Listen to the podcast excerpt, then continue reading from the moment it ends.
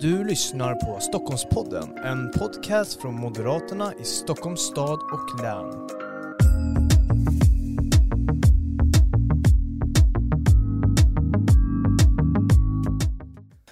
Varmt välkommen till det här specialavsnittet av Stockholmspodden där vi pratar om de propositioner som vi antagit på vår extra förbundsstämma förra året i oktober.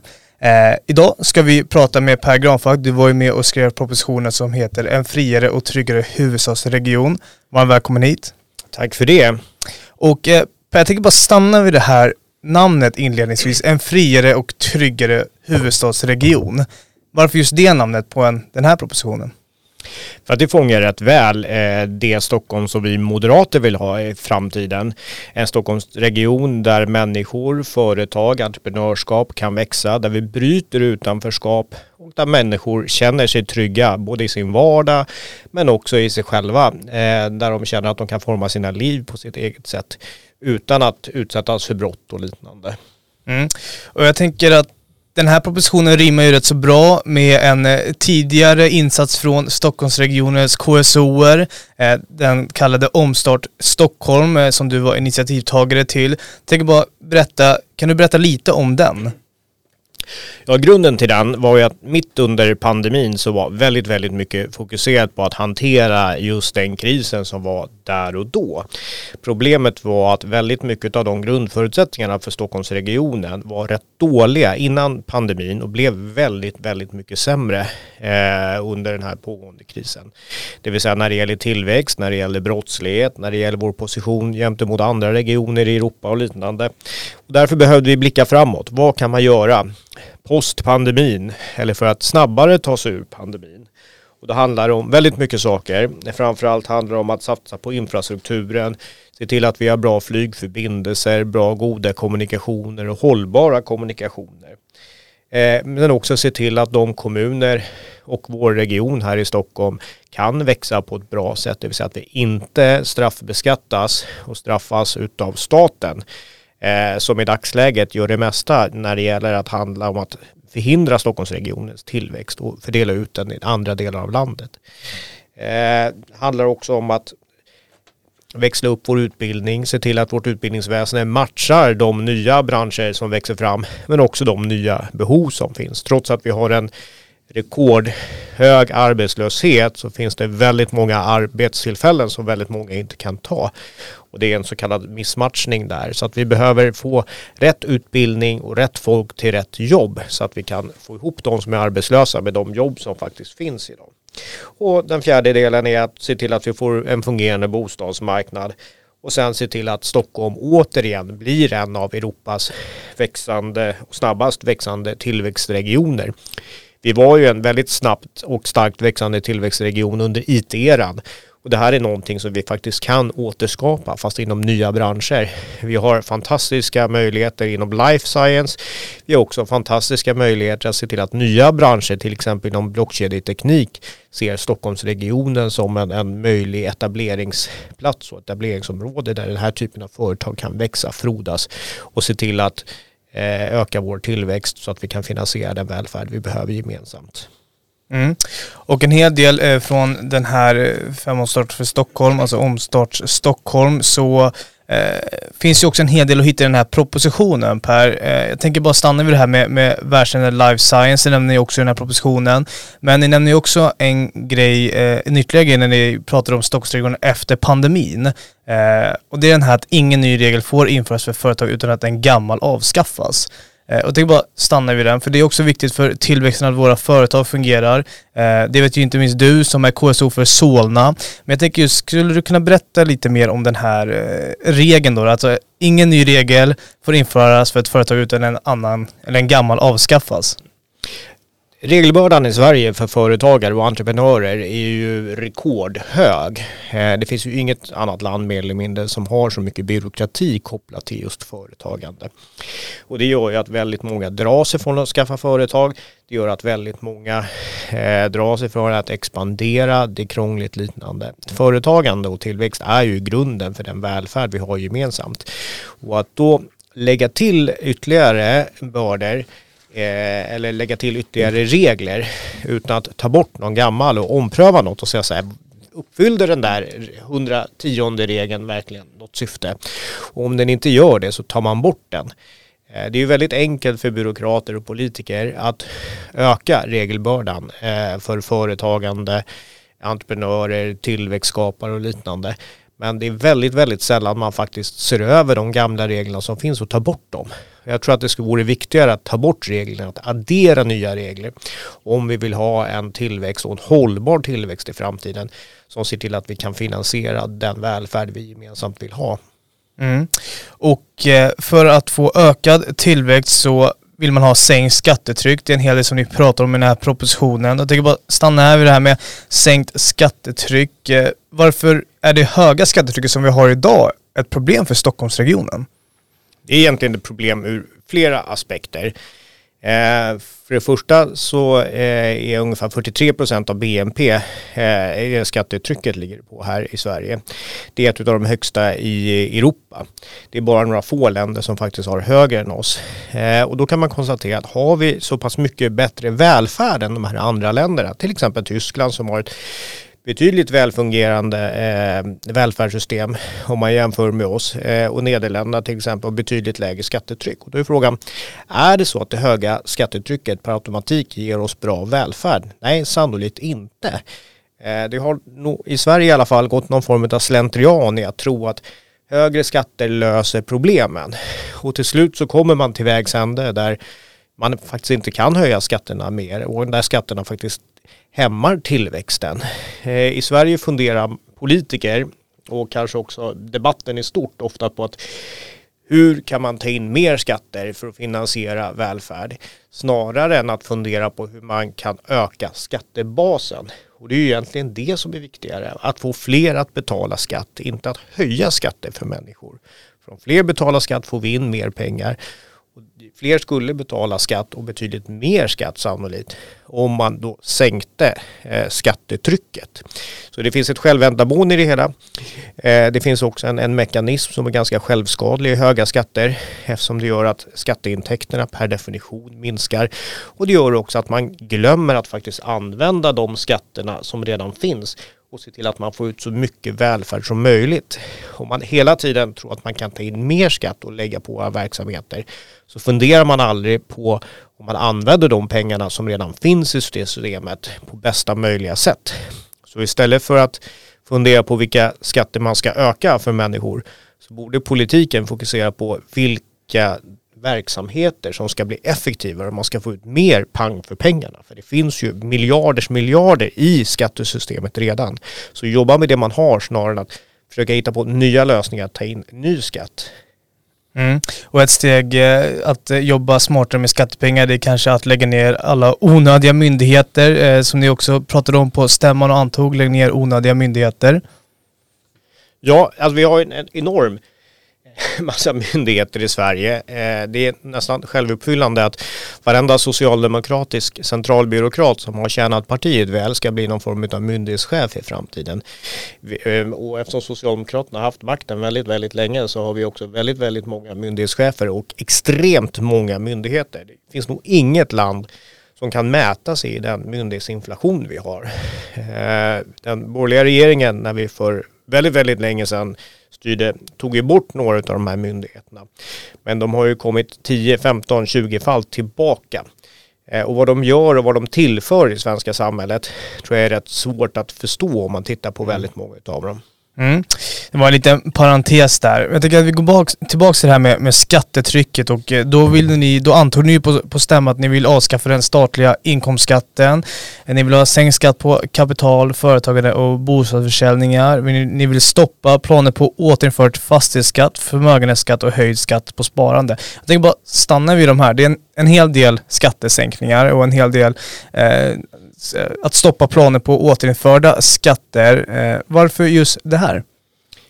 I grunden så handlar ju skattepolitiken i, i dagsläget inte så mycket om att finansiera den gemensamma välfärden. Eh, den gemensamma välfärden kan man nog finansiera rätt väl med sänkta skatter.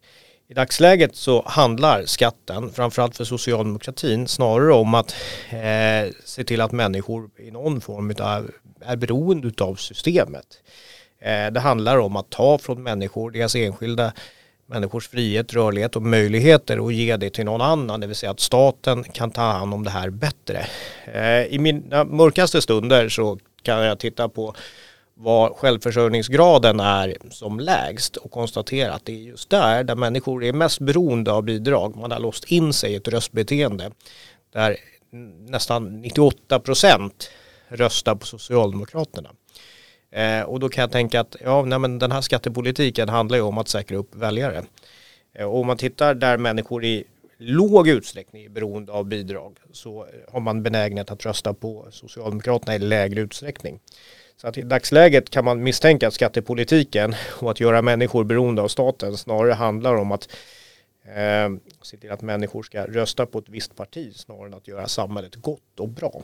Men om man går tillbaka till varför det är viktigt att ge människor möjlighet att styra över sina egna liv så handlar det om incitament såklart.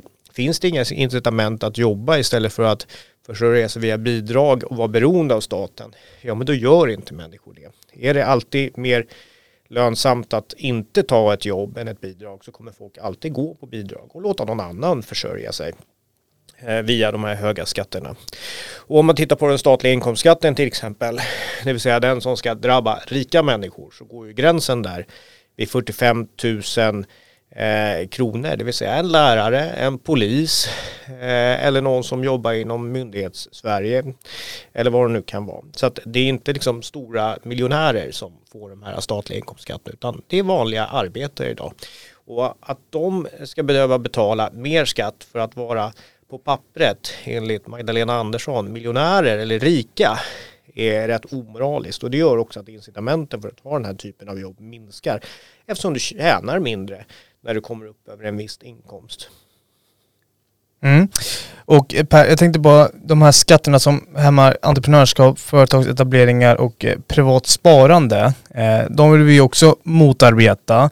Eh, men varför är det så viktigt att vi just motarbetar just dessa skatter? För tillväxtens skull?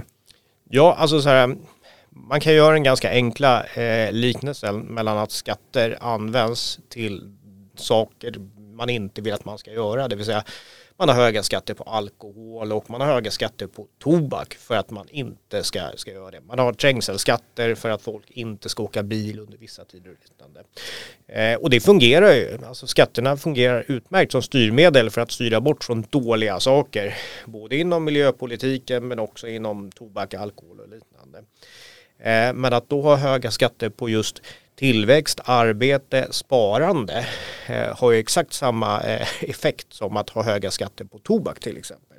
Så vill man inte att folk ska spara till sin egen pension, vill man inte att folk ska spara till sin egen välfärd, vill man inte att folk ska eh, tjäna mera pengar och öka skatteunderlaget för den gemensamma välfärden, ja men då ska man ha höga skatter på just arbete och sparande. Precis som på tobak och alkohol. Det funkar väldigt väl här. Eh, om man tittar också på det privata sparandet som är, är relativt lågt. Eh, väldigt få familjer skulle ju klara av en större utökad eh, kostnad en viss månad för att man har en så pass liten buffert. Och det gör att det svenska samhället och de svenska familjerna är rätt sårbara i längden eh, i och med att man är beroende av staten. Mm. Och jag tänker bara stanna också vid den här fastighetsskatten, eh, för den har vi ju pratat en hel del om eh, det senaste året. Den vill ju ni också eh, motarbeta, ni vill stoppa planerna på en återinförd fastighetsskatt. Och jag tänker bara kort uppmärksamma just den skatten. Varför just stoppa planerna på den? Ja, för det första så är den ju djupt omoralisk. Jag kan förstå att man kan tycka att man ska ha skatt på inkomster och liknande och inkomster av kapital eller sånt. Men en familj eller ett pensionärspar som bor i en lägenhet eller en villa har ju inga inkomster av den här grejen. Det är inte så att den här villan eh, renderar en massa intäkter.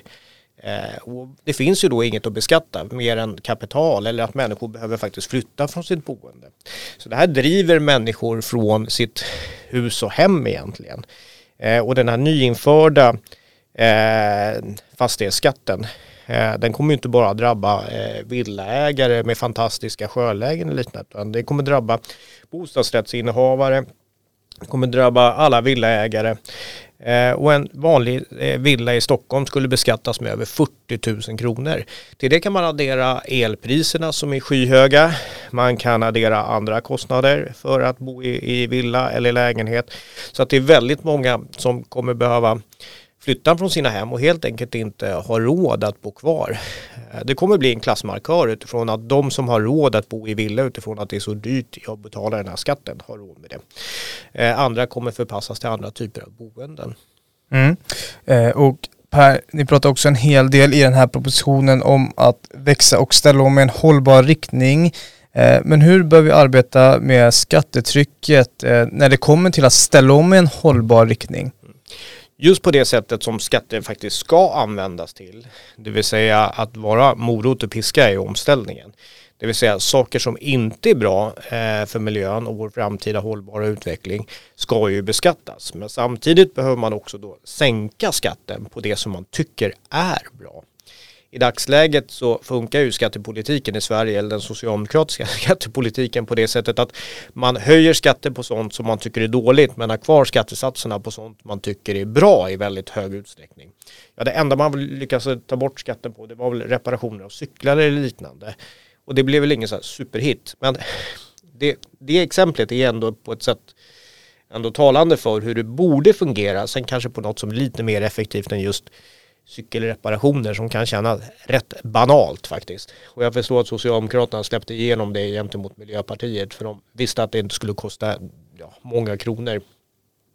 Men på det sättet ska ju skatterna faktiskt användas, det vill säga sånt som är dåligt för miljön, sånt som inte är hållbart, sånt som man inte vill ha ska beskattas. Men det som man tycker är bra eh, bör man sänka skatterna på. Det bör man nog sänka skatterna på rätt rejält. Då får man människors incitament att öka till att faktiskt leva hållbart på riktigt när det finns ett ekonomiskt incitament att göra det. Mm.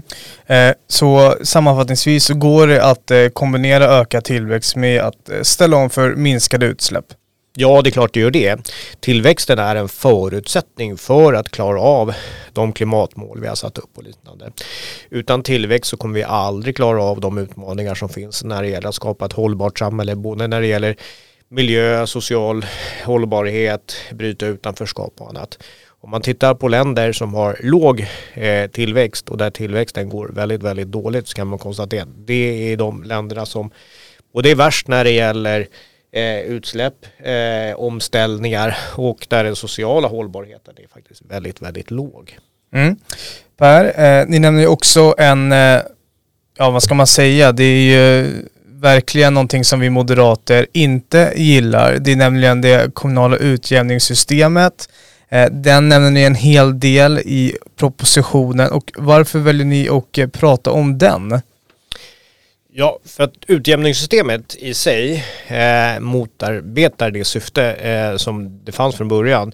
Det kommunala utjämningssystemet skulle från början se till att små kommuner som Vilhelmina ute i glesbygden eh, skulle ha möjlighet att bedriva eh, skolor, vård och omsorg. I dagsläget så är det inte så, utan dagsläget så handlar det här utjämningssystemet mer om att fördela pengar från välskötta kommuner och regioner till de som är mindre välskötta. Eh, så det vill säga att det finns inga incitament för en kommun att bli bra. Att se till att människor kommer i arbete, att minska bidragsförsörjning och liknande.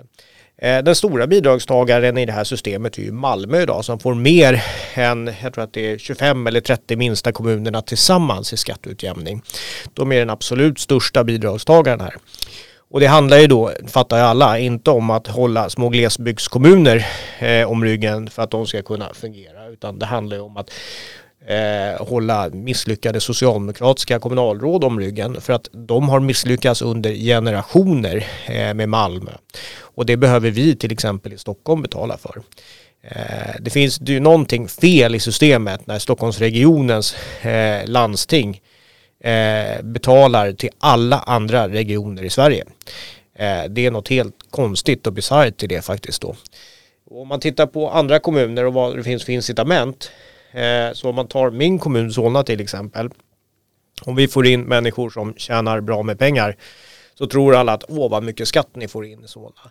Men skatteutjämningssystemet är konstruerat så att för eh, över medianinkomsten på en, en rik person till exempel. När man går över medianinkomsten får vi behålla 5% eh, utav den skatten som ligger över medianen. Så vill säga, vi tjänar inte på att ha några människor i huvudtaget som betalar skatt. Oavsett om vi har miljonärer eller miljardärer som betalar skatt i Solna så påverkar det våra skatteintäkter inte utan det går till andra kommuner runt om i landet.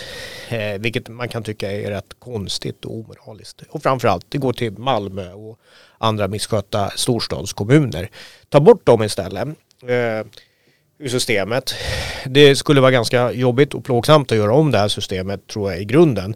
Men det viktigaste är ju att se till att det inte är tillväxthämmande i steg ett. Och då handlar det om att lägga tillbaka den tillväxtmiljarden som fanns som den borgerliga regeringen hade. Det vill säga att kommuner som skapar tillväxt, de får hjulen att snurra i hela landet ska få en kompensation för det istället för att bestraffas. För i dagsläget bestraffas vi för att vi skapar tillväxt som gynnar hela landet.